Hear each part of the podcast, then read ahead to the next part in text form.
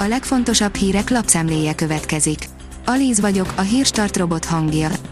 Ma március 30-a. Zalán névnapja van. A 24.hu oldalon olvasható, hogy eltűnt a kórház főigazgatóság oldaláról egy új igazoló dokumentum. Az Országos Kórházi Főigazgatóság hétfőn adta ki a kismamák számára az igazolásformát, ami kedd délelőttre eltűnt. A Demokrata oldalon olvasható, hogy Európa tanácsi biztos Magyarország állítsa helyre a média szabadságát. A biztos aggasztónak nevezte, hogy lejárató kampányok folynak az emberi jogok védelmezői és az oknyomozó újságírók ellen. A privát bankár írja, ha a fertőzésre favipiravírt ír fel a házi orvos, senki ne menjen érte személyesen. Még sosem volt olyan, hogy reggel nem jöttek ki a napi fertőzöttségi és halálozási adatok, ezért még a szokásosnál is többen várták az operatív törzs tájékoztatóját, indokot nem mondtak, viszont a tájékoztatóval egy időben ki is jöttek a napi adatok. A kitekintő írja, 9 haláleset az AstraZeneca oltás után Németországban. Németország részlegesen újra leállította az AstraZeneca vakcinájával történő oltásokat, miután 31 esetben agyivérrögképződést regisztráltak az oltás beadása után az érintett betegek közül 9-en meg is haltak. A Hír TV írja, Szelvini elárulta, mi lesz a budapesti találkozója témája. A Liga párt vezetője köszönetet mondott Orbán Viktornak és Mateusz Morawieckinek azért, hogy miniszterelnökként fogadják őt, aki személyesen jelenleg nem tölt be kormánypozíciót. Az m4sport.hu oldalon olvasható, hogy az FIA bíró elárulta, mi lett volna Verstappen büntetése. Inkább egy büntetéssel, mint így, mondta Max Verstappen Lewis Hamilton elengedéséről a Bahreini nagydíj után, a hétvége FIA bírója elárulta, milyen szankció várt volna a Hollandra. A vezes oldalon olvasható, hogy F1 kimondták a kegyetlen igazságot vett erről.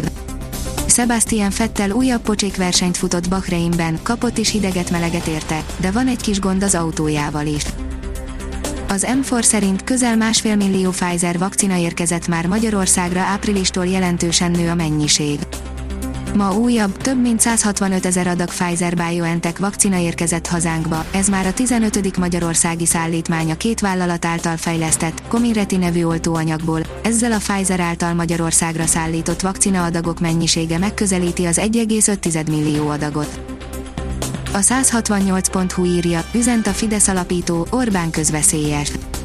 Kardos József azt kérdezte Áder Jánostól, miként éli meg a párt óriási pálfordulását, miért tűri szótlanul, hogy katasztrófába sodorja az országot egy a saját hazugságaiba is belezavarodó, ön és közveszélyes elme. A hiradó.hu szerint eláruljuk, hogy mutatják ki a koronavírust a szennyvízből. Magyarország a világ élvonalába tartozik a szennyvízdiagnosztika területén, az eljárás kidolgozásához szakértelemre, tapasztalatra, kiterjedt kutatómunkára volt szükség. Az m4sport.hu oldalon olvasható, hogy kórházban ápolják a koronavírusos Bognár Györgyöt. A Paks edzőjét és pályaedzőként dolgozó fiát is a Szexárdi kórházban kezelik.